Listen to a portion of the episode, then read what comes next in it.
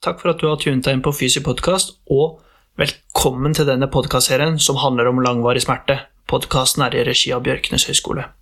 Denne podkasten kan ses på som et slags seminar som kommer i fire deler. I del én snakker Kristine Gren Sandvik med den svært kompetente Gustav Bjørke. Episoden handler om hvordan man tar en fullstendig, god anamnese og tips og triks til hvordan man kan kommunisere godt med pasienten. I del to, også med Kristine og Gustav, så er tematikken orientert rundt begrepet smerte og hvordan man kan gjøre en god klinisk undersøkelse. Del tre, dette er en helt unik episode. Praten med er med en av pasientene til Gustav, som har vært plaget med vedvarende smerter i lang tid. I denne episoden anvendes prinsippene som er snakket om i del 1 og del 2, og vi får høre hvordan kommunikasjonen under en konsultasjon høres ut. I den fjerde og siste delen snakker Fredrik Sjøberg med den dyktige psykologen Henrik Børsting Jacobsen om medikamentbruk, menneskets biologi og fysiologi sett i perspektiv til en langvarig smerteproblematikk, prinsipper for behandling og en beskrivelse av en pasienthistorie der resultatet endte i smertefrihet.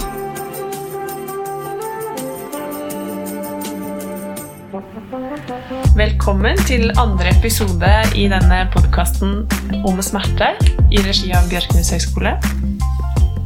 Med oss i studio har vi igjen Gustav Bjørke, deltaker. Du var også med i forrige episode, hvor vi snakket om anamnesen, men nå skal vi mer til kjernen av faget vårt. Eh, og det er sånn at De fleste som kommer til fysioterapibehandling, kommer fordi de har vondt et eller annet sted i kroppen. Og så er det store spørsmålet hva er egentlig smerte? Ja, da reiser du et spørsmål som vel har forfulgt menneskeheten siden tidenes morgen, eller siden kvelden før tidenes morgen, kanskje. Ja. I hvert fall veldig lenge. Og det er jo ikke slik at de kommer da bare med smerte. Men det er jo ofte det de forbinder med oss, at det handler om smerte i kropp. Og da går det til en eller annen behandler som driver med type ting som vi driver med. da.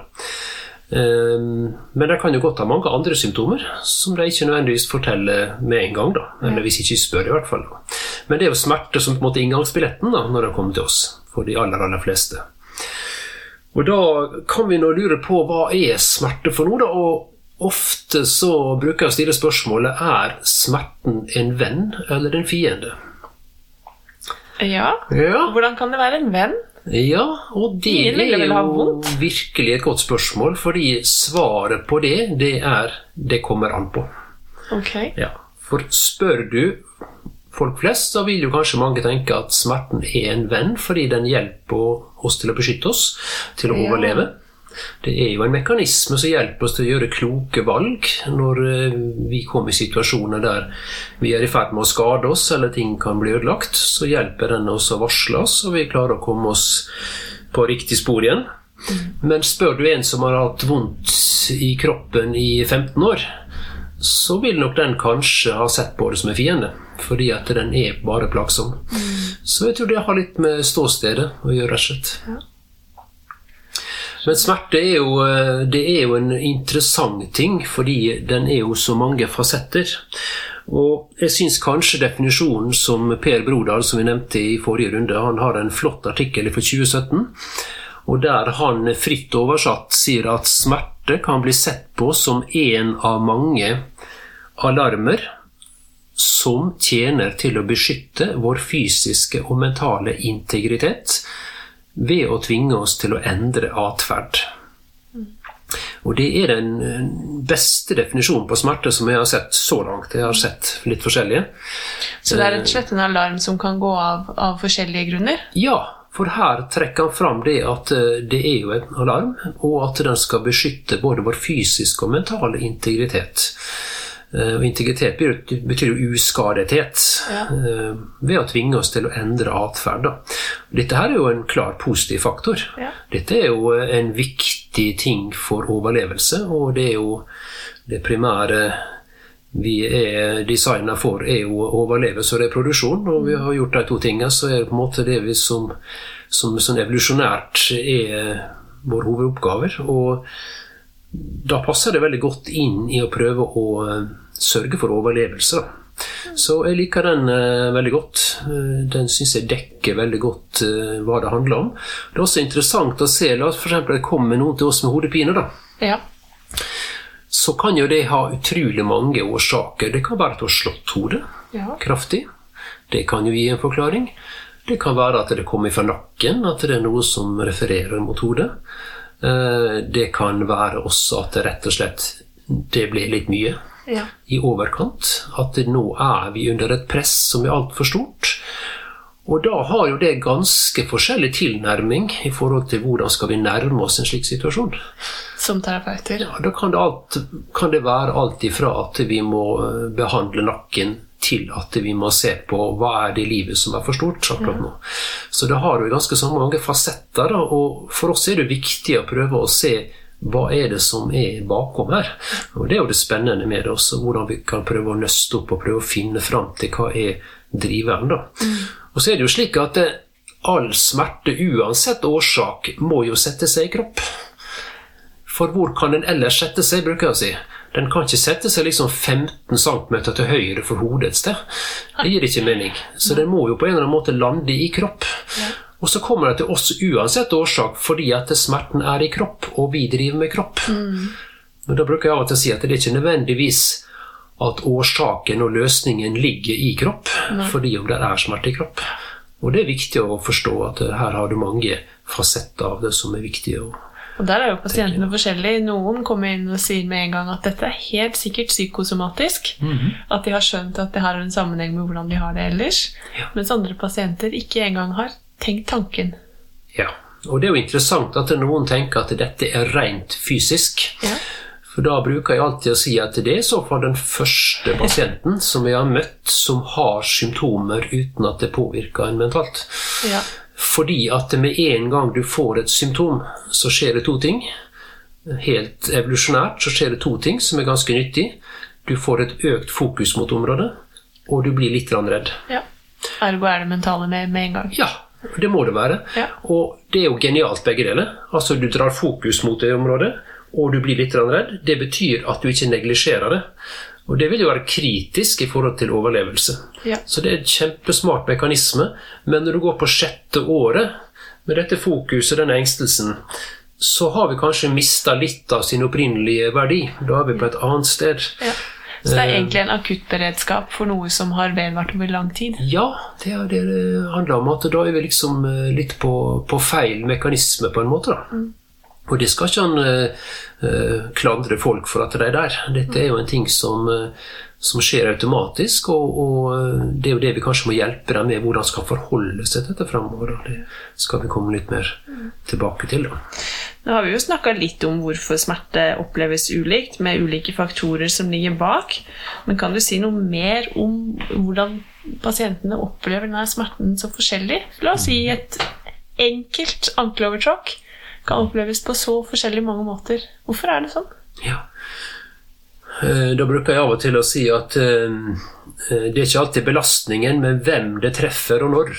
okay. som betyr mye. Og Det er et veldig interessant utsagn at det er ikke alltid belastninga, med hvem det treffer og når. Hvis vi tar hvem det treffer først. Ja, fordi at vi er forskjellige som mennesker. Eh, Vi har forskjellig genetikk, og det har jo vist seg etter hvert at det er faktisk en faktor i forhold til smerte også. Vi stiller ikke helt likt på startstreken når vi begynner som små barn. Vi har med oss en genetikk som kan være med å påvirke f.eks. smertefølsomhet til en viss grad. Men det er jo ikke bare det, men den kan ha en viss virkning. da. Så lever vi våre liv og opplever forskjellige ting, gjør oss forskjellige erfaringer og, og har forskjellige belastninger, forskjellige påvirkninger med et langt liv.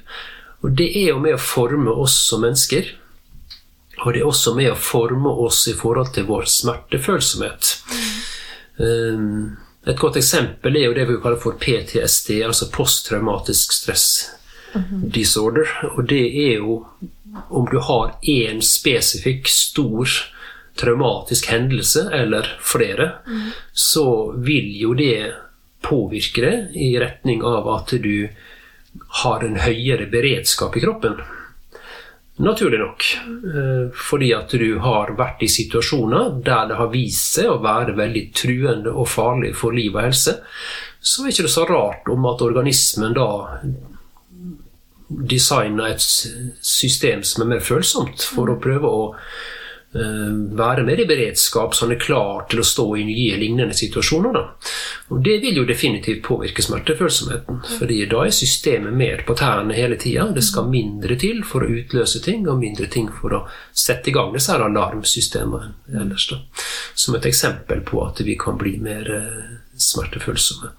Så det er jo noe med vår forhistorie vil jo være med å forme vårt alarmsystem. Ja. Og det gir jo veldig mening, for det er jo sånn det må være, da. Så da er det også gener og erfaringer som egentlig er det viktigste, som handler om hvem det treffer. Ja, og det gjelder alle sammen. Altså, Vi har jo våre gener. Det er jo slik vi har fått tildelt. Og så er det det, de erfaringene vi har gjort gjennom livet. Vil jo være med å forme også vår følsomhet i våre alarmsystemer, som er ganske logisk, egentlig. Mm. Og så sa du også at det handler om når smerten treffer, som er avgjørende for hvorfor man opplever den ulikt. Ja, og det er også interessant å se at det, jeg bruker å si at vi har jo alle en gitt terskel for å kjenne ting. Men den terskelen er jo dynamisk. Den varierer jo Hva varierer den med? Den varierer f.eks. med la oss si, stressnivået vårt. Vil jo kunne vari altså det vil jo kunne være en variabel i forhold til den terskelen hvor den befinner seg. Og Det er jo noe vi kjenner alle sammen, at når vi er ordentlig sånn i en stressperiode, så er det lettere å kjenne ting. At vi blir mer sensitive, og gamle smerter kan dukke opp igjen som har vært borte lenge. og Plutselig begynner du å kjenne den gamle ryggen. Oi, nei, nå er den der igjen, hva som skjer? Og at du, du får en, en, en, en høyere sensitivitet i sånne perioder. da. Eh, og Det er jo interessant å se. Jeg ser jo mange med sånne litt uspesifikke underarmsmerter som kommer til, til oss Og så, så sier de ja, det er PC-en. Det er det som er problemet, da. Eh, Så viser det seg at jeg har sittet på den PC-en i ti år. Og det har gått helt strøkent. Det har gått helt fint. Og det sitter folk rundt deg på alle kanter. Det går også helt fint. Men så plutselig så tåler ikke de da PC-en. Da blir jeg veldig nysgjerrig i har det vært noen endring i kontekst Ja. den siste perioden. Er det noe annet som har endra seg i livet der, i tilværelsen? Ja, det ble mye mer på jobb, det ble mye mer stress, det ble mye mer, det var noen frister som ble veldig tight, og så var det syke barn samtidig, og så kokte det litt på det her og der, og så har jeg ikke fått trent for det har vært så travelt, og sånn og sånn. Så ser jeg plutselig at du får en økt sensitivitet.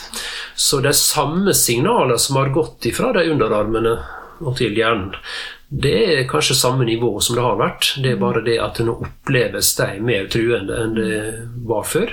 Vil si at du får en, en økt trusselsituasjon. Og så når han da begynner å merke dette her, så blir jo det en ny runde, fordi at den, da kommer frykten du har lest på nettavisen om musearmen. Og eh, så kommer den frykten, for det passer jo ekstremt dårlig nå når det er så mye å gjøre, og nå er jeg avhengig av disse armene mine, og så begynner dette å balle på seg. Ofte begynner den ene, og så begynner han å fokusere på at den andre må virke, og så begynner du å kjenne litt der også, og så er vi litt på kjøret. Så, Da er man så- over i ja, og da kan det rulle fort i vei på Ja. at han da begynner å unngå å bruke, unngår PC, begynner å bli veldig forsiktig, legge om livet sitt på mange ting, så mister han mange av de ting som var viktig, slutter å gå på trening fordi han tåler det ikke, sant? og så begynner ting å rote seg til. Og så kan det komme inn i litt dårlige sirkler. Da. Så av og til handler det da om å se at eh, den største belastninga som har endret seg, er jo ikke den fysiske, her. det er jo den mentale og det som er rundt, som ofte da har endret seg mest. Hvordan kan vi da forstå dette på en annen måte? Hvordan kan vi forstå dette som en terskelendring, i stedet for at det er noe vev som ikke tåler det? Etter vi undersøker grundig og ikke finner at det, som man ofte ikke finner, at det er noe typisk tendinopatier eller andre ting som, som heller ikke ofte gir mening ut fra at det har ikke vært noen stor endring i belastning. Så. Mm. Du nevnte ordet kontekst, og det er jo noe vi snakker mye om i forbindelse med smerte. Eh, Og du definerte det mer som livet eller tilværelsen. Alt som omgir oss, er jo egentlig kontekst. Hvilken sammenheng befinner vi oss i? Og det er de endringene da som egentlig kan være med å endre om vi mottar signalene som om de skulle vært eh, signaler om trussel eller ikke. Jeg bruker jo av og til å si det at eh, jeg savner en diagnose som heter 'det ble litt mye'. Skulle ønske Nav hadde en sånn mulighet for å kunne skrive det. Det ble litt mye. Så koselig. sånn eh, L134. Ja. Det ble litt mye. Akkurat nå ble eh, livet litt mye. Ja, det tror jeg faktisk hadde vært eh, dekkende for en del av det vi møter. At det er Absolutt. summen, altså begeret, ble for fullt. Ja. Og så er det jo ofte da mange dråper som er det, og så er det jo av og til at den dråpen som kom sist, han får skylda, men den kom jo bare til slutt. Det var ikke hans feil, det var jo så fullt fra før. Men det er den som får skylda, og da var det PC-en, sant. Men egentlig var det kanskje mye, annet, mye annet som var der fra før, som var litt problemet. Altså. For ofte så blir det jo litt tilfeldig hvilken diagnose pasienten får, så det blir litt mye er jo egentlig en av de mest omfattende Jeg tror kanskje det hadde dekka en god del. Ja. tror det. Det blir litt mye. Ja. Mm. Eh, Er det sånn at smerte alltid er knytta til vevskade? Ja, det er ofte knytta til vevskade, men så er det jammen mange unntak også, da. Eller det kan jo være kombinasjoner også, men eh, Så det det betyr at noen kan gå rundt og ha vondt og ha egentlig en, et muskelskjelett kropp som fungerer helt som det skal. Ja.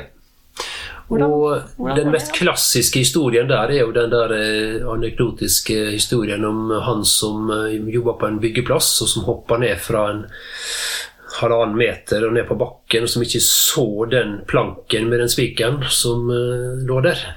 Og så landa han på den, og så gikk den tvers gjennom skoen og kom ut på andre sida, opp på toppen. Og det var jo et vanvittig eh, spetakkel og en smerte og en grusomhet. Og de fikk jo tilkalt folk, og de kom jo ambulanse og alt mulig rart. Og fikk jo dratt ut dette her med rop og skrik. Og når de da så på foten, så hadde spikeren gått mellom første og andre tå. Så den hadde jo aldri vært i foten. Men pasienten hadde hatt vondt. Ja, ja, ja. Fordi at det, smerte det handler jo alltid om den subjektive trusselvurderinga. Og det er viktig å forstå.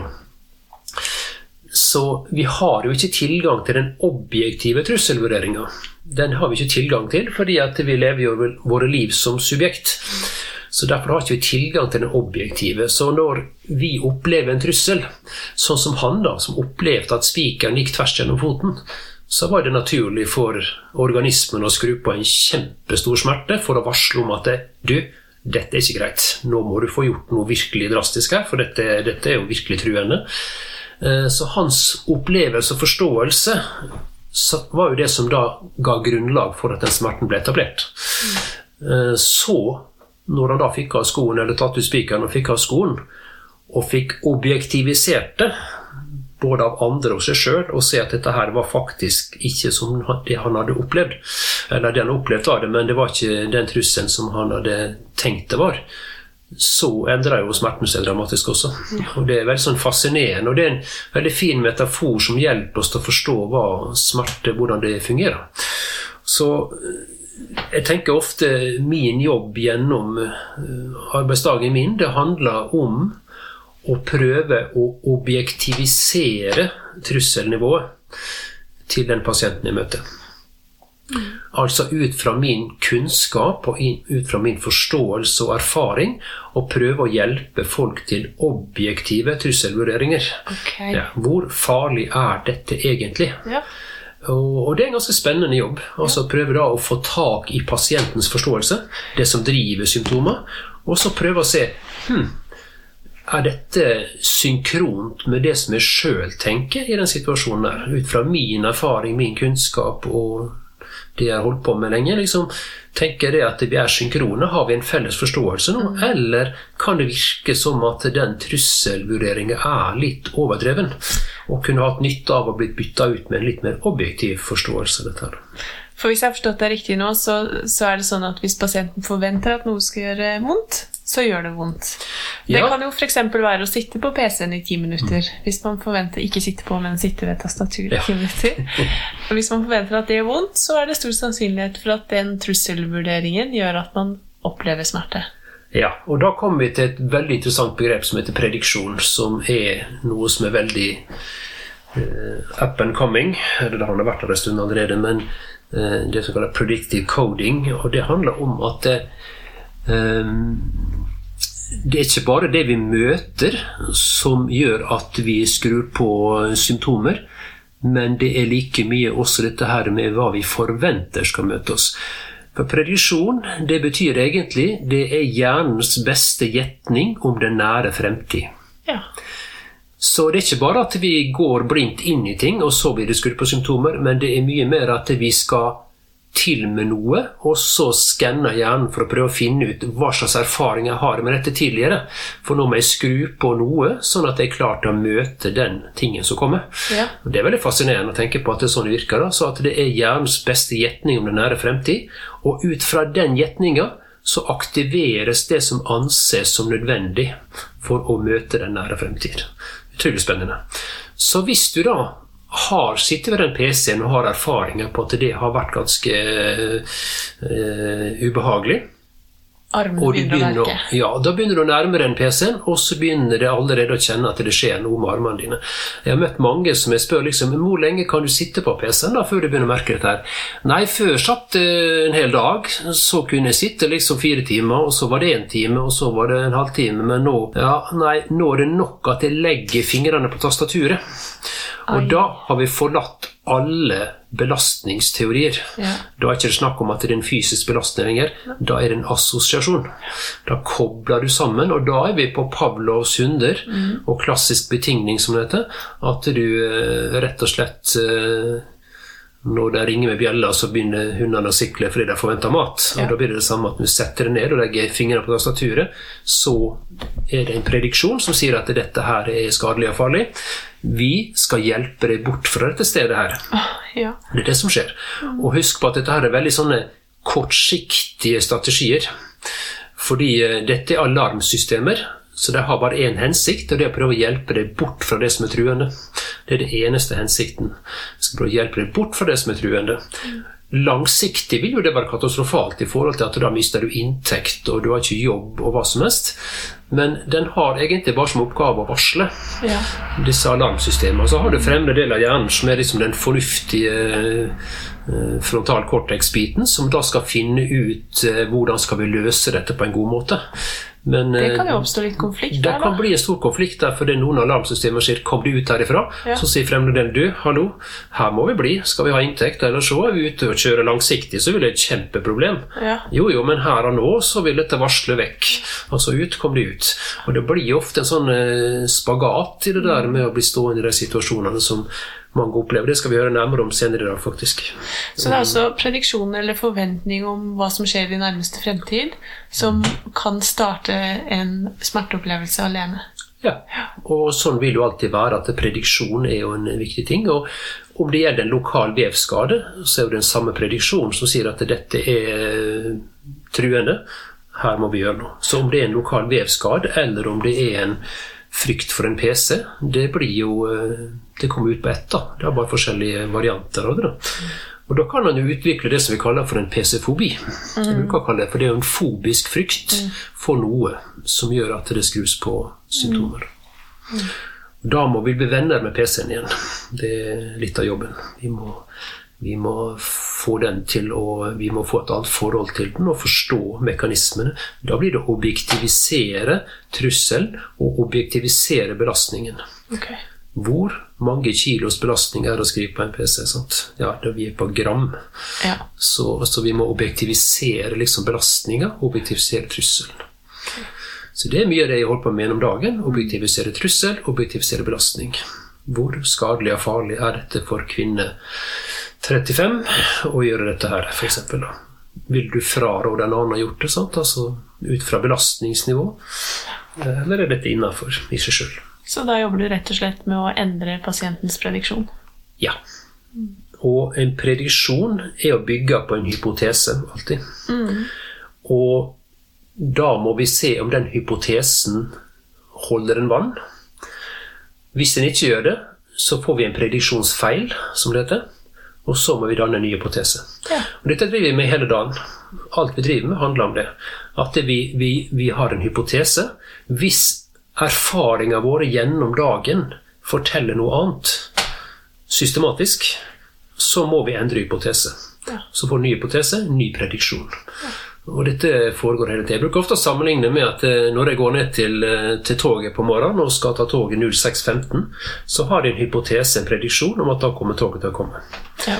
Nå snakker vi Vy, så det er jo ikke akkurat garantert det her. Så ofte så kommer det 0622, 0630 og 06 hva som helst. Men det i snitt så kommer det ofte nok til at jeg velger å møte opp 0615.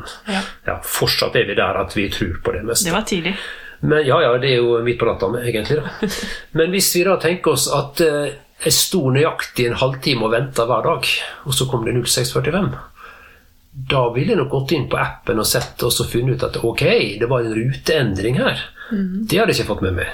Da ville min nye, nye hypotese være 0645, og så ville jeg møte opp 0645 ut fra en forventning om at da ville toget komme. Ja. Bare som et eksempel på det med predisjon, predisjonsfeil. Ja. Fordi virkeligheten fortalte så lenge og så ofte om at eh, 0615 antagelig ikke var riktig. Ja. Så måtte de bytte hypotese. Og dette foregår hele tida gjennom hele livet for oss alle sammen. For en fin metafor. Veldig spennende tema det med prediksjon. Det må vi eh, nok forstå mye mer av framover, også i forhold til møte med pasienter. Ja. Hvordan spør du da pasienten om hvilken prediksjon den har? Hvilke spørsmål er det du Ja, Da er vi litt tilbake til, til eh, anamnesen igjen. Dette her med hva tror du selv feiler deg? Ja. Ja, nei, da, da, da er det ofte betennelse, da. ja. Og betennelse det maner jo til ro og avlastning, alltid.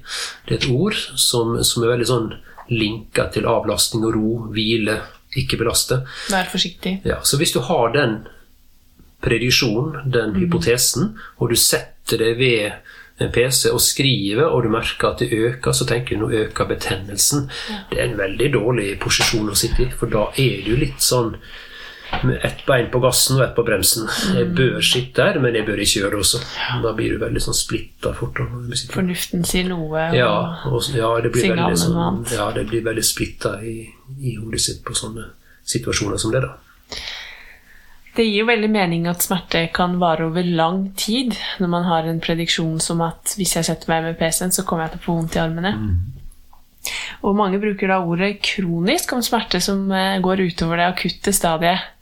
Akutt, subakutt, og så videre til kronisk. Hva syns du om det ordet kronisk? For det er jo litt sånn på vei ut, kanskje? Eller? Ja, det blir brukt en del ennå, men jeg håper det er på vei ut. Fordi eh, kronisk er jo på en måte bare en definisjonsting. Det er for å si noe om at ting har vart mer enn tre måneder eller seks måneder. Folk har litt forskjellige grenser for det, da. Men det er jo bare en tidsangivelse for at ting har vart lenger enn tre måneder eller seks måneder. Um, og, men det høres ut som en eh, livstidsdom det er blitt kronisk. Og mange jeg spør hva er det verste du har tenkt på. Nei, jeg er redd for det har blitt kronisk, sier folk da. Og da sier jeg ja, du tenker at det har vart mer enn tre måneder? Du hadde vart i tre år, dette her. Så det er jo passert for lengst. Å ja, ja, ja vel. Eh, Da blir du litt forvirra, da. Så da bekrefter du egentlig at jo, du har, Ja, har det er, det er kronisk. Det har vart mer enn tre måneder, så det er jo absolutt kronisk. Og da blir folk litt sånn oi. Og det det? kan være en fin måte, det er liksom å komme med noe som vekker folk litt. Da, da, da blir du litt sånn satt ut. Og det kan jo også være en måte å skape en ny prediksjon på, altså en ny forventning, når du bytter ut ordene. For det er jo slik at eh, hvis vi skulle tenke at alle som har hatt smerte mer enn tre eller seks måneder, de, de er umulig å hjelpe, så hadde vi jo virkelig hatt et problem i helsevesenet. Så, så det ordet der er veldig sånn sementerende, og da må vi ofte bytte det ut med langvarig. Ja. Ja, langvarige smerteplager. Det er jo en ting som er litt mer håndterbart å nærme seg, tenker jeg da. Så kronisk da er det egentlig mer som et stempel om at her har du fått denne diagnosen, du kommer til å ha det sånn for resten av livet. Mens langvarig eller vedvarende, da, man, da gir man begrep om at ok, dette er noe som har vart en stund, men det er ikke nødvendigvis for all framtid. Ja, jeg tenker at de ordene kommuniserer bedre. Um, og jeg tenker jo det at uh, igjen, hva blir sagt og hva blir hørt. Det kan godt hende en en behandler eller en lege en eller annen har sagt at uh, ja, dette er jo blitt kronisk, og tenker på at det har vart mer enn tre eller seks måneder. Men det som blir hørt, er jo at eh, dette er dommen over mitt liv. Ja. Så det er noe med hva som blir sagt og hva som blir hørt også. Da. Og vi kan være med å rydde litt i det. Hvis vi får disse ordene opp, da, så kan vi hjelpe til å rydde til litt med konstruktive ting. Da. Så i mildeste grad så er kronisk egentlig ment som en beskrivelse om at noe som har vart mer i tre måneder, Ja. og egentlig ikke betyr noe mer enn det. Nei. Mens pasientene kan bli ganske demotivert av det fordi de tenker at det handler om noe som vil være der for alltid. Så det er jo igjen med en kommunikasjonsting, da. Mm, på mange måter. Ok. Hos noen pasienter så er det sånn at smerten ikke går bort. De har smerte over lang, lang tid. Selv etter måneder og år så er det opplevelsen mer eller mindre den samme. Vi har jo snakka litt om prediksjon og sånne ting. Er det andre ting som kan bidra til det? Ja, dette er jo et stort og vanskelig spørsmål, og i hvert fall ikke noe vi skal snakke lettvint om. For det er et ekstremt krevende situasjon, og det er ekstremt energikrevende. Bare det å prosessere smerte og forholde seg til smerte er jo veldig energitappende. Så det er jo, det er jo mange som ikke har god livskvalitet i en sånn situasjon. Møter jo mange av dem, så det er ikke noe vi skal snakke lettvint om. Men samtidig så ser han jo det at eh, eh, mer av det samme gir mer av det samme. Det er jo livets lov. Mm. Og det er jo av og til altså han Einstein sa jo det at uh, toppen av galskap det er å fortsette å gjøre det samme og håpe på et annet resultat. Um, og det kan vi jo ta til oss, vi som behandler også. Altså, når vi holder på med ting, liksom, så må vi jo vurdere fortløpende uh, Gir dette den effekt vi håper på? Ja. Så det er jo et, et annet spørsmål for så vidt. da, men det er noe med at eh, skal han, hvis han er i en langvarig smertesituasjon, så må jo noe endres. Noe må snus. Et eller annet må skje som kan gjøre at han kan begynne å bevege seg i en retning som da blir mer konstruktiv, og som kan føre til noe positivt over tid. Da. Um, og da ser han jo at uh, um, selv om det da er gått lang tid, så tenker jeg at det er ikke nødvendigvis at det betyr at det ikke er mulig å påvirke. Men noe må endres. Det må skje noe nytt. Det tror jeg er et veldig viktig, viktig poeng. da. Så og, da tar vi og spør hva pasienten har prøvd allerede, ja. og så må vi endre på det. Ja, hvis Eller vi bruke det som funker, kanskje, og så ja. legge til noe i tillegg som kanskje kan funke enda bedre. I hvert fall få med oss det som funker, og legge vekt på at det er viktig å få gjort det ofte og mye. Ja. Det er jo i hvert fall et utgangspunkt. da. Mm. Men så er det også noe med det at eh, Jeg tenker ofte det at eh, jeg tror ni av ti som jeg møter, de kan ikke gi meg en tydelig og klar eh, forklaring på hva som feiler seg. De kan heller, da heller ikke gi en klar og tydelig oppskrift på hva som skal til for å bli bra. Og Det kan jo være grunnen til at de kommer, i utgangspunktet, fordi de har på en måte er i en posisjon der de ikke helt skjønner hva som feiler dem, og når du ikke skjønner hva som feiler seg, så er det jo heller ikke lett å finne ut hva man skal gjøre for å komme ut av det. Det henger jo sammen. Og, eh, og jeg tenker jo det at det er en ganske vanskelig situasjon å stå i. Både ha vondt og ikke vite hvordan man skal håndtere det. Ja, og ikke vite hva som feiler seg, og ikke vite hvordan man skal håndtere det for å komme seg videre. Og jeg syns det er på en måte rart at de da, når de da sier det, at jeg vet ikke hva som feiler meg, etter la oss si etter åtte år med, med plager, da så er det jo ofte ikke mangel på forklaringer. Dere har ofte fått veldig mange forklaringer. Og jeg spør jo ofte liksom, hvilken av de føler du du eier mest? Det er ofte et godt spørsmål. Mm. Av disse forskjellige typer forklaringer. Men like fullt så har de kanskje hatt den forklaringa, men så har på en måte ikke de tiltakene som sto i stil med den, virka som de skulle. Mm -hmm. Og da begynner de også å tvile på forklaringa. Og det er jo ikke så rart, det går jo baklengs. Det er jo ikke så veldig rart, da. Og jeg tenker jo det at I en sånn situasjon, hvis vi nå tenker helt evolusjonært, og tenker også på prediksjon og alle tingene vi snakker om eh, Hvis du er i en situasjon der du ikke vet hva som feiler deg, og heller ikke vet hva du skal gjøre for å komme ut av det, vil det da være naturlig at organismen skrur av alarmsystemet? Heller tvert imot, kanskje. Ja, jeg også tenker det. Jeg bruker ofte å spørre hva ville du hatt? En røykvarsler som eh, begynte ganske sånn greit nivå og ule. Og så gikk den ned og ned og ned ganske fort. Ja, Så man ikke hørte den lenger? Ja, Sånn at den ganske fort feida ut og forsvant. Ja. Eller ville du hatt en som begynte sånn ganske greit nivå, og så øker den i styrke etter som tida gikk? Hva ville du hatt av de to hvis du skulle bo i huset ditt og tenke du skulle være rimelig trygg? Og Da vil jo alle si at jeg vil jo heller hatt en som begynte sånn pent og greit, og som øka etter som tida gikk, for å være sikker på at det ikke brente inne. Ja. Mm. Ok. Så vil det være logisk da at når tida går, vi vet ikke hva som feiler deg, du vet ikke hva som må til for å bli bra, vil det da være logisk at disse alarmsystemene begynte å skru seg av? Det ville jo vært skrekkelig dårlig evolusjon. Ja. Det ville virkelig vært skummelt, for da var vi i en situasjon der vi kunne overse og misse ting, og så plutselig så var vi ute å kjøre, og så hadde det med overlevelse å gjøre. Så, så sånne ting tror jeg det er viktig å snakke litt om. Det vil jo faktisk være slik at ettersom tida går, så vil det være nyttig at det blir mer sensitivt, og at det varsles mer, fordi at du må ta affære. Og da må vi se på disse varslingssystemene som er en enhet. Også det mer fornuftsmessige som en annen enhet, at de driver og samarbeider om dette. her, Men så kan de komme litt i en konflikt her, da. Fordi at de sier 'Hallo, du må gjøre noe. Du må ta tak og få gjort noe her. Du må skape en endring.' Så sier da frontalkortex 'Ja, greit, men du, hva skal jeg gjøre, da? Vi har jo prøvd alt.' Fortell meg noe, da. Kom igjen, da. Gi meg noe, liksom. Og så så fortsetter andre systemet bare å varsle, og så sitter en stakkar og skal prøve å tenke ja, men kom opp med noe, da. Ikke bare hold på og mas. Ja. Det er nesten sånn du kan oppleve det situasjoner som, som faktisk blir sånn. Så, så, fin måte å forklare pasienten på at det er naturlig at smerten din øker. Det er sånn vi har overlevd. Ja. At alarmen blir sterkere og sterkere, er ja. egentlig i utgangspunktet en fin ting.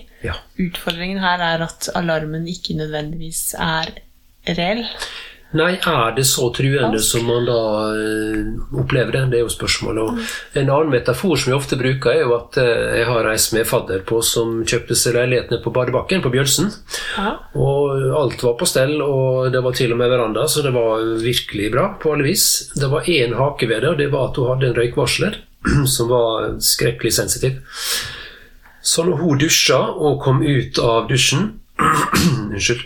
Så uh, gikk alarmen. Okay. Og når hun stekte et egg, så gikk alarmen. Og da er det jo slik at uh, den største haken ved det var at dette var seriekobla, så alle måtte ut av blokka. Oi. Så når vi står der i morgenkåpa for tredje gang, så føler du trykket litt fra omgivelsene dine. Uh, men da sier jeg da kan du velge å gjøre to ting. Det ene er at du kan slutte å dusje og slutte å steke egg. Det er jo bankers. Da skjer det ingenting. Det kan jo være at det blir litt fett hår og litt dårlig med mat etter hvert, og det kan bli litt grått og litt stusslig. Alternativet det er å se på går an å justere røykvarsleren, og i verste fall går det an å bytte den ut med en som da varsler mer på riktig nivå. Ja. Og Det er ofte en fin metafor som folk skjønner, fordi at eh, i stor grad så har folk da begynt å slutte å dusje og steke egg sånn metaforisk. Det har på en måte begynt med unngåelsesatferd. Ja. Og det gjør jo at tilværelsen blir ganske grå. Og som igjen kan være en forsterkende effekt på disse symptomene. Mm. Så hvis man tenker alternativt, da, så handler det om hvordan kan vi forstå og justere uh, røykvarsleren, sånn at den sensitiviteten kan gå ned. Det blir jo ofte en veldig sånn, konstruktiv måte å begynne å se det på, da, som er kanskje mer motiverende enn å, enn å drive med unngåelsesatferd. Ja. Mm. Spennende forklaring. Eh, vi skal litt over til det som har med smertetyper å gjøre. For vi har jo forskjellige typer smerte. Jeg kan liste opp de tre som vi skal snakke om nå. Det er nosiseptiv, nevropatisk og nosiplastisk. Ja, ja Nosiseptisk smerte vi, vi, har jo det som heter nosiseptorer. Det kjenner vi jo til. Og det er jo egentlig bare noen eh, registreringsorganer som skal prøve å prøve å formidle noe hvordan står det til der ute. Mm. Um, og han uh, Brodal han har jo lyst til å kalle det for homeoseptorer. Da. Det er en litt interessant variant. Okay. Fordi homeostase det er jo på en måte når vi er i likevekt. Ja, så det, Han vil at ja. det skal være signaler som sier fra om at her har det vært en endring? Mm.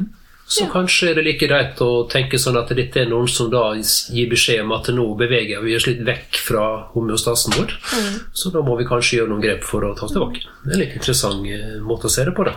Men uansett så er jo disse her litt forskjellig funksjon. Du har jo eh, mer mekaniske og mer kjemiske og, og, og, termiske, altså det som har med, med varmekulde å gjøre. da. Så det har jo litt forskjellig funksjon, men samla så fanger det opp veldig mye av det som, eller alt det som foregår i, i kroppen vår, og formidler det mm, til sentralen, som skal prøve å vurdere er dette noe vi skal ta affære på eller ikke. Mm. Og husk på det at det foregår ekstremt masse aktivitet kontinuerlig 24-7. Ja. Men det er jo på et nivå som blir betrakta som trygt. Ja. Og det skjer ingen eh, tiltak sånn eh, spesifikt utover at det blir registrert, og at det blir sett på som normalt i organismen. Da. Men eh, den nosiseptive smerten er jo da når vi opplever det at det er en smerte som veldig ofte er lokalt avgrensa. Den er veldig ofte litt sånn logisk. Det har skjedd noe, det har oppstått et eller annet, det har vært en belastning av noe slag. Og den er logisk og lett å skjønne, og du kan også gå inn i smerte, du kan gå ut av smerte. Ved å bevege deg. Ja, Snur på hodet til høyre, så gjør det vondt. Du går tilbake, så blir går smerten bort. Så det er jo litt sånn logisk og forståelig smerte som eh, Noen kan være mer mekaniske, den kan være sånn knytta til bevegelse. Andre kan være mer, eh, mer sånn eh, typ kjemisk, at det kan være en ulmende korsrygg som vekker deg tidlig på morgenen, for du har lagt lenge med en litt sånn inflammasjonstilstand i ryggen, eksempel. Så det kan ha forskjellig karakter. Men den er veldig sånn logisk og forutsigbar, og eh, den er lett å forstå ofte. Eh, og Hadde vi bare hatt sånne, vet du, da hadde vi hatt fine dager. vet du. Og det verste av alt er jo at en del av dette her går over seg sjøl. Det er jo det verste, vet du. Så, så for vårt levebrød så Mange av disse. Ja. har egentlig ikke stort behov for fysioterapi. Nei, det er jo en del av dette her som egentlig kan gå over også. Så er det noen da som, eh, som trenger litt hjelp for å komme ut av det. Da. Men da ser en at veldig mange av de tingene vi kan tilby, ofte har god effekt på det også. Det, Ja. det blir bedre, og folk blir bedre av det. da. Så dette er jo liksom den mest oversiktlige av det. da. Så hvis du tar den, eh, den eh, nevropatiske, så er jo det noe som har påvirka nevrogene strukturer, altså nervestrukturer, på en eller annen måte. Så kan Ishas være et eksempel på Det det? kan være et godt eksempel på det. Det er noe som påvirker eh, nervesystemet vårt, og det kan jo da være en eller annen traume, det kan være noe trykk eller drag eller et eller annet påvirkning av eh, det, nerve, altså det nevrogene systemet vårt. Da. Ok. Og det gir ofte litt mer sånn skytende, skarpe, brennende smerte. Og strøm, strømfølelse oppfører seg litt mer sånn eh, Litt andre opplevelser enn en den nosiseptive. Så litt annen karakter, da. Og så er det ofte påvirka av å sette ting på strekk, f.eks. Så vil det gi kraftig skytende smerte. og så må vi da inn og prøve å finne ut hvor er det skoen trykker, bokstavelig talt. Ja. Hvor hen er dette her eh, blir påvirka? Kan vi finne fram til hva er det som påvirker? Det blir jo litt sånn detektivoppgaven, da. Å prøve å nøste opp i det, da. Så man starter med de nevrodynamiske testene som f.eks. en vanlig straight leg race. Mhm.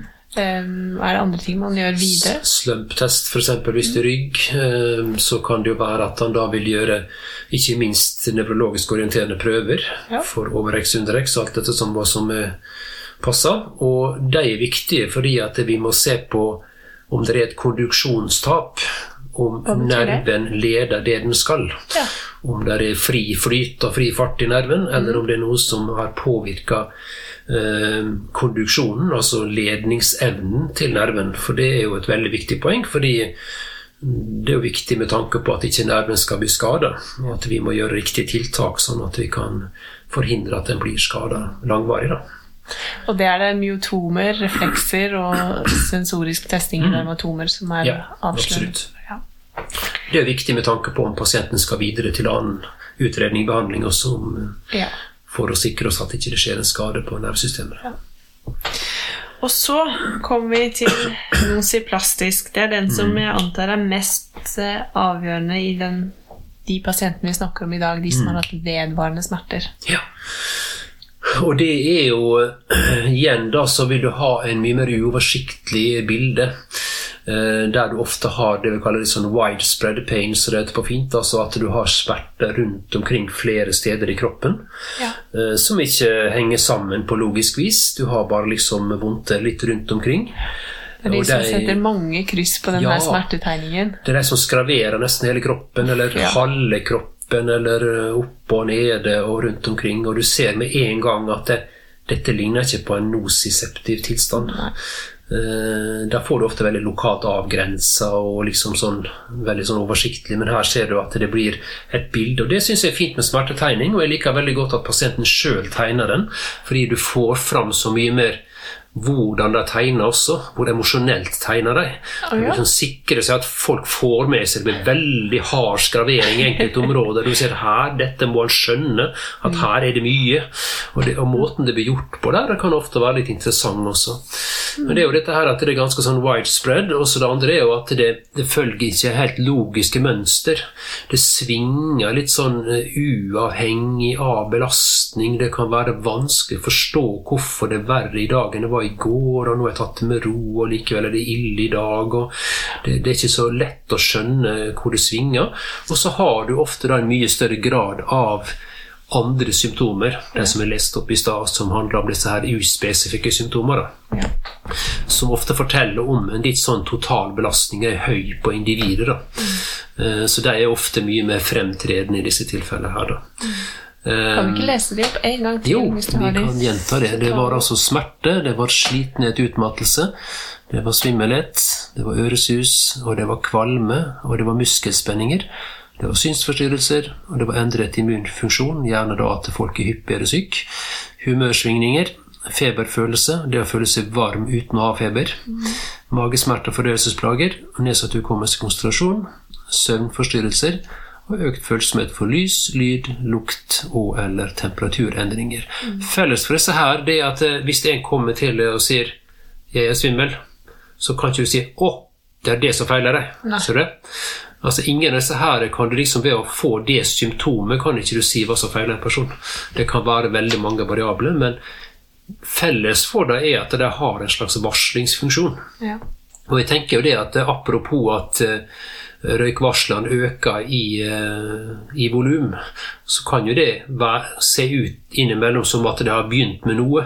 Det har begynt med en smerte, og så nå har dette eh, volumet øker gjennom at det er flere og flere symptomer som prøver å si det samme. Hei, du må prøve å gjøre noe, du må endre noe. Fordi eh, sånn som det er nå, så er ikke det greit for organismen. Det er ofte det budskapet som eh, prøver å fortelle. Da. Og jeg tenker ofte at vi, vi har det så travelt med å få bort symptomer. Det har jeg ofte tenkt på, at vi, vi har så travelt, men vi skal ha det vekk. Og pasientene er også interessert i å få det vekk. Men av og til tenker jeg, har vi egentlig lytta til hva det prøver å fortelle? Det er jo et budskap, det er jo en kommunikasjon, dette her. Det er jo noe som prøver å fortelle et eller annet. Ja. Jeg tenker av og til jeg ser for meg en sånn westernfilm der det kommer en eller annen eh, ridende inn i landsbyen i full fart. Det er budbæreren som kommer, og så er vi først og fremst opptatt med å skyte han. ja. Før vi får liksom for mye Hva hadde han egentlig å si? Nei, det rakk vi aldri få tak i, for han ligger der borte, liksom. Så, så jeg tenker av og til så må vi tenke oss litt om at ok, i stedet for å begynne å fjerne alt dette, kan vi prøve å forstå hva det er for noe? Hva er, egentlig, hva er budskapet her? Kanskje er det noe med at det er for mye? Det er for stort? Det er for uoversiktlig? Det er for vanskelig? Det er for, ja, for lite oversikt over dette her? Mm. Som et eksempel. da. Fint. Så uh, plastisk smerte er jo en smerte som kan være litt vanskelig å forstå, litt mer kompleks enn de to andre typene som vi har snakka om. Og det er ofte der pasientene sitter igjen med mange spørsmål, og det er vi som fysioterapeuter også sitter igjen med mange spørsmål på hva er det som egentlig foregår her. Det er jo det vi har snakket om i dag, hvordan vi skal prøve å kartlegge det hele. Og det å tilnærme seg dette helhetlig, det tror jeg er den eneste måten å kunne forstå det på noen måte. Ja. Fordi vi må, vi må kartlegge bredt for å forstå mekanismen i det. Og jeg tenker at det sånn erfaringsmessig gjennom mange år så tenker jeg at jo lenger en tilstand varer, jo mer vil den emosjonelle biten eh, være en viktig driver i det. Ja. Ja, altså ha med emosjonelle med emosjoner, følelser, er en viktig bit av det. Og det å forstå litt av mekanismer kan være nyttig. Så det kan vi ikke hoppe bukk over når det er snakk om nosiplastisk smerte. Nei, og Det interessante med det er jo at eh, hva er emosjoner og følelser? Jeg kan si veldig kort om det. At emosjoner er jo den kroppslige aktiveringen som skjer eh, når organismen prøver å fortelle oss et eller annet. Ja. Som skal gjøre det lettere for oss å vandre gjennom dette livet. Fordi at eh, vi kan ikke drive og tenke så mye hele tiden vi blir utslitt av det. Derfor har vi fått emosjoner og følelser som skal guide oss til å gjøre kloke atferdsendringer uten at vi må tenke så mye. Og det vet vi jo at eh, hvis du eh, går i en skummel bakgate i mørket, så kjenner du på et ubehag som driver deg til å gå i retning av eh, der lysa er, og der folka er. Ja. Det er jo et eksempel på det at den hjelper oss til å gjøre kloke atferdsvalg. da. Men det gjøres da ved at vi får et kroppslig ubehag, en kroppslig aktivering.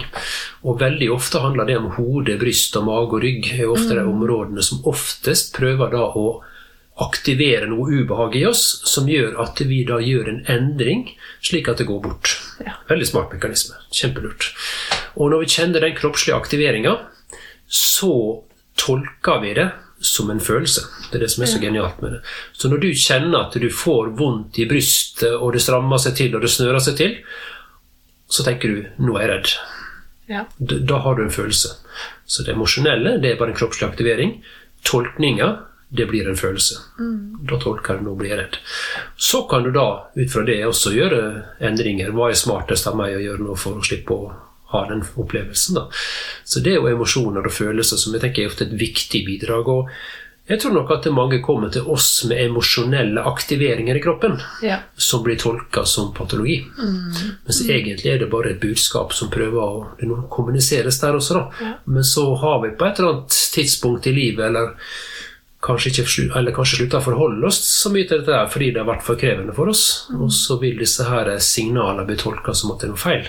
Ja. Mens egentlig er det kanskje bare et budskap, det også. Så det er viktig å komme til bunns i hvilken følelse som produseres av hvilken emosjon, og hvilken, hva er det som egentlig starter den emosjonen. Ja, la oss tenke oss da at du, du sitter på kontoret og kjenner at hodepinen bare kommer brått og plutselig på. liksom Du kjenner at nå skjer det noe med den hodepinen som du har av og til. da. Så det er interessant å tenke hva er det som er på gang nå. Ja. Og da kan det ofte være lurt. Jeg bruker ofte å snakke om de fem grunnleggende evolusjonære følelsene vi har. Som da er sint, redd, lei seg, føle avsky og glede. Det er disse fem. Og det var en pasient som spurte meg men hvorfor har vi fire som er litt sånn ubehagelige og negative. én som er én som er bra. Som er god. Og da er jo svaret ganske enkelt. Hva er det vi skal drive med her på kloden? Vi skal overleve. overleve. Så derfor er det viktig med disse fire, for de hjelper oss til å overleve. Eh, Så så det er ganske sånn fascinerende å tenke på det der at vi har fire som driver med overlevelse, og så har vi den femte da, som er glede. Men legg merke til at når den er der, så er den ganske flyktig før disse fire overtar igjen. Fordi nå er vi tilbake igjen på jobb, nå skal vi overleve, nå må vi kjøre på følge med, nå må vi være på vakt. Og så innimellom så driver vi inn i den femte, den gledesstingen, men så er det ofte litt flyktig. Så derfor, når du Disse fire har jo en retning, da. Eh, Når du er sint, så skal du stå opp for deg sjøl og dine nærmeste og dine verdier. Når du er lei deg, så skal du søke trøst. Når du er redd, skal du søke tilflukt. Og når du føler avsky, så skal du fjerne det så langt som mulig fra det du føler avsky for. Ja. Men den femte er glede. Da skal du stå helt i ro. Ja. Da skal ikke du flytte det, for nå er vi der, vi, og det må vi huske på når vi kjenner på gleden. Så må vi stoppe og slippe alt vi har. Da må vi være her, for da det er så sjelden og så flyktig at vi må bevisstgjøre det. At det, nå er vi der. Så litt sånn fascinerende, fascinerende å, å jobbe med dette her også. da, eksempel Når den hodepinen kommer på, og du sitter og har den vanlige fysiske belastningen som du alltid har hatt, så kan det være interessant å spørre hm, hvilke av disse her er fire, oftest da, femte er det som er veldig sjelden, men hvilke av disse fire er det som er i sving nå? Ja. Og det kan av og til være en sånn eye-opener. Plutselig så skjønner folk at de sitter jo her og er litt redd fordi at den tidsfristen der, den klarer jeg ikke å holde, den ryker, og da kommer lederen til å bli så misfornøyd med meg, og det, da vil dette kunne ha betydning på lang sikt for meg og jobben, og så begynner dette å rulle på. Og så blir dette en emosjonell ting, da. Ja. Men når du klarer å dekode det, så blir du kanskje litt mindre redd for hodepinen. Da Da kan du ha en annen tolkning på det. da.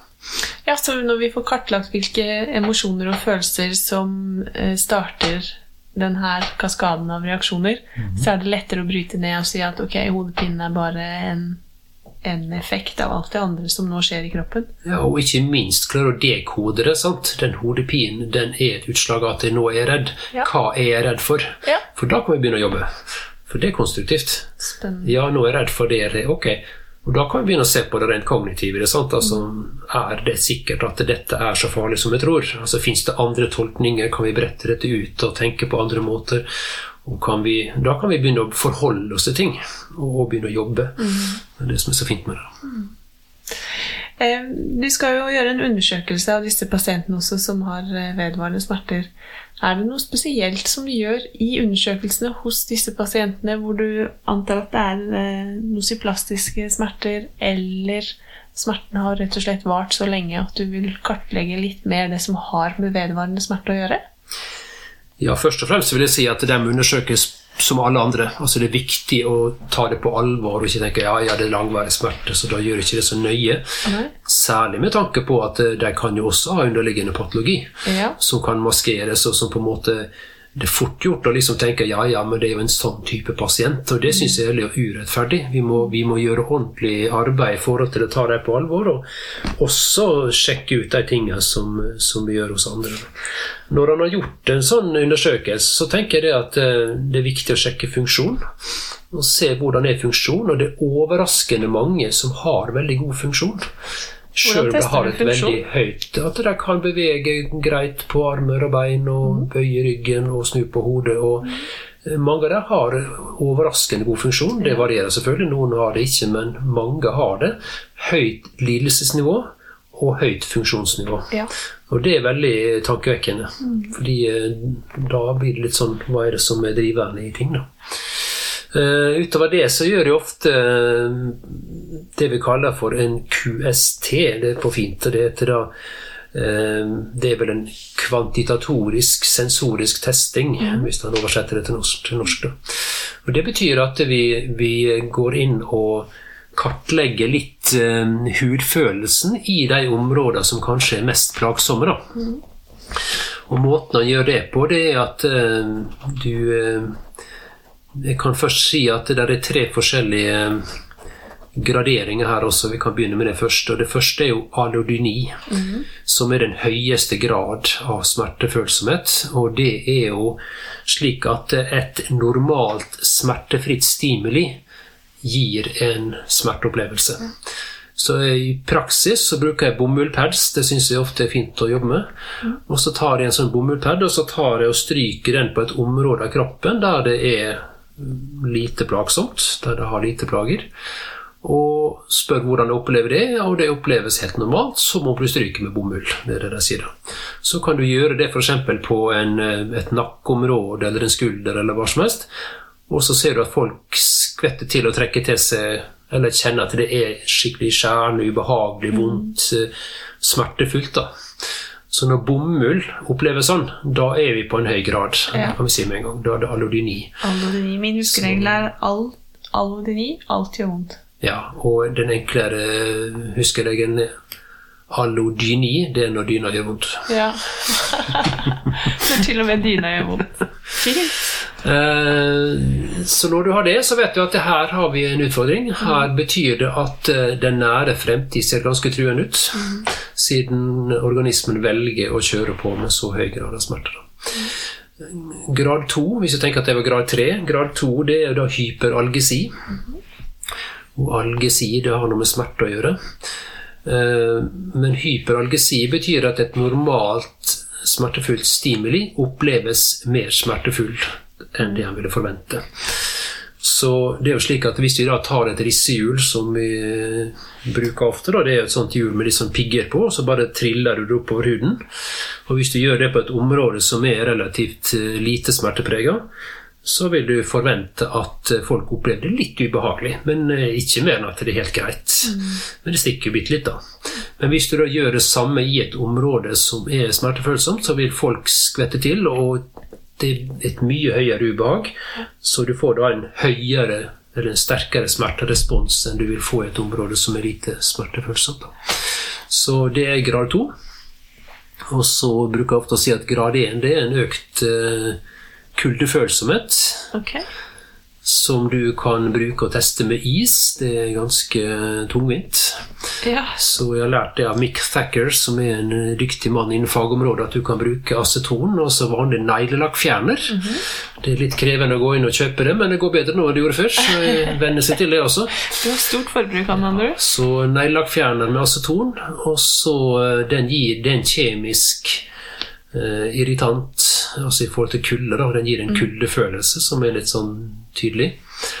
Um, den er liksom du det? praktisk å bruke, da, fordi at den tar jeg på den samme bomullpaden som jeg brukte til å teste allodyni. Og så tar jeg bare og dynker litt på huden i det området, et område som da er lite smertefølsomt. Og så registrerer jeg hvor lenge, eller hva jeg kjenner. Hvor ubehagelig er det? Nei, det kjennes jo kaldt ut, men ikke noe annet enn det. Og så sjekker du hvor lang tid det tar før den kuldefølsomheten går bort. Normalt, sånn i snitt, så ligger det et sted mellom fem og ti sekunder. Okay. Det er normalt at du kjenner at det er litt, litt kaldt, men så går det bort ganske fort. Og Tar du det på et sånt smertefølsomt område, da, så kan du oppleve at det kan eh, kjenne, kjennes ofte da mer ubehagelig ut. eh, Mer irriterende. Noen kjenner brenning og sviing. Eh, Men først og fremst så varer det lenger. Så jeg har jo folk som kanskje har seks minutter før det går bort. Da, de har jo ofte da adodyni og, og mye annet. da. Men, eh, men eh, hvis det ligger vesentlig høyere enn 5-10 sekunder, så kan det være indikasjon på at det er en økt kuldefølsomhet i, i systemet. Da. Som et tegn på en neuroplastisk smerte. Som Eller tegn på en eh, sensitivisering. Hva kalte vi dette her i stad? Vi kalte det for en uh, nosiplastisk. Nosiplastisk. Nosiplastisk. Ja. Mm. Det er nye ord, så vi må venne oss til det. det nosiplastisk smerte. Nosiplastisk smerte. Det høres jo ut som pasienten skal igjennom ganske mye smerter i en sånn undersøkelse. Hvordan pleier pasienten å takle det? Ja, eh, da er det jo viktig at han trenger ikke å sprenge åpne porter, som jeg bruker å si.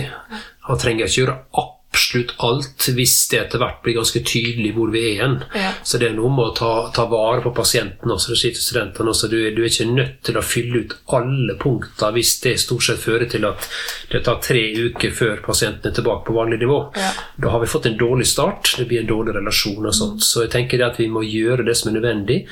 Akkurat disse tingene her bruker ofte å gå bra, fordi det, det er ikke så store stimuli. Vi holder ikke på så lenge. Men det jeg kan også si at det er veldig viktig å mappe, som vi sier. Altså å kartlegge omfanget, størrelsen av det. Det er en viktig ting. Så hvis du f.eks. har hyperalgesi eller allodyni, så setter jeg da en liten strek.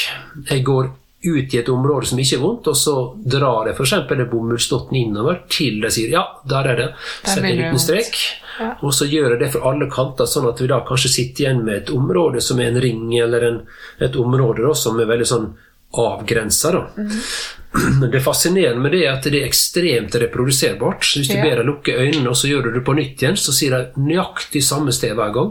Så du kan følge den ringen helt eksakt Uh, hvis du gjør det to ganger. Da. da bruker jeg ofte enten å be pasienten ta et Altså, jeg får låne telefonen til pasienten og ta et bilde av det. Sånn at pasienten har det på sin telefon, så ikke jeg sitter og lagrer på det. Det tror jeg er lurt. Og så kan vi seinere ta det fram, og så kan vi mappe det på nytt. Og så kan vi se om dette har endra seg. Nydelig. Enten i grad at det nå går det fra allodyni til hyperalgesi, eller fra hyperalgesi til bare kuldefølsomhet, eller at vi eh, ser at området krymper. Og det er veldig motiverende, da. Veldig. Hvis vi ikke gjør det, så kan vi også bruke det som et skyvelær. Vet du hva det er for noe? Da Det høres ut som noe vi holder på med i sløyden. da må du på jernvarebutikken. Der får du kjøpt en sånn som rørleggerne måler rør med, nå, tjukkelsen. Ja. To sånne pigger som står ute, og så kan du da lese av centimeter, en slags linjal, ja, med centimeter og millimeter på. da. Og så kan du eventuelt da bare måle ut det fra noen anatomiske punkt, og så måle ut og skrive det i journal hvor stort det er, og, og hvor det befinner seg. da, Sånn at du har en, en referanse på det. da. Nå skjønner jeg hvor ordet kvantitativ kommer fra. Ja, det er å kvantifisere det. Og det er veldig motiverende å ha en baseline og så se på endring. fordi har du gått lenge med ting, så er det veldig kjekt å se at noe flytter seg. Ja, virker det virkelig altså. Så det, det kan være en fin måte å gjøre. Og for min del også, selvfølgelig som motivasjon og for å ha noe å, å styre mot. da. Så for de her pasientene med vedvarende smerte, så må vi gjøre en god undersøkelse som vi gjør Vi kan ikke hoppe over noe. Vi skal, vi skal gå grundig til verks og kartlegge alle eventualiteter. Men heller ikke sprenge åpne dører og plage folk. Så vi gjør undersøkelsen som normalt, så pluss den kvantita kvantitoriske, kvantitative, eller kvantitativ, kanskje. Kvantitatorisk. Usikker. sensorisk testing. Det handler om kvantitet i hvert fall. Bomullsdott og eh, Rissehjul. rissehjul og aceton. Ja. Er det andre ting som skal med i denne undersøkelsen? Eh, Som vi ikke har snakka om nå? Nei, jeg tenker jo liksom det å prøve å skille det fra det rent Altså, altså den vanlige undersøkelsen vil jo også fortelle om vi får logiske svar, eller om at det blir stående igjen litt uforståelig. Og det Ja. kan også være en sånn indikasjon på at vi er litt med på det nosiplastiske. Ja. Så jo mer uforståelig det er, jo mer nosiplastisk er det. Ja. Og det typiske er jo at folk eh, kan fortelle om at før tålte jeg sånn, men nå tåler jeg bare sånn. Det er det liksom typisk for at terskelen har endra seg. Og det er, selv om du har den samme belastninga, så oppleves det mye sterkere enn det var før. Da. Ok. Takk for det. Da runder vi av denne episoden om smerte. Da var denne episoden kommet til sin slutt. Ønsker du å finne fram litteraturen, artikler eller lenker som er referert til i denne podkasten? Du finner det på fysi.no under innlegget til denne episoden.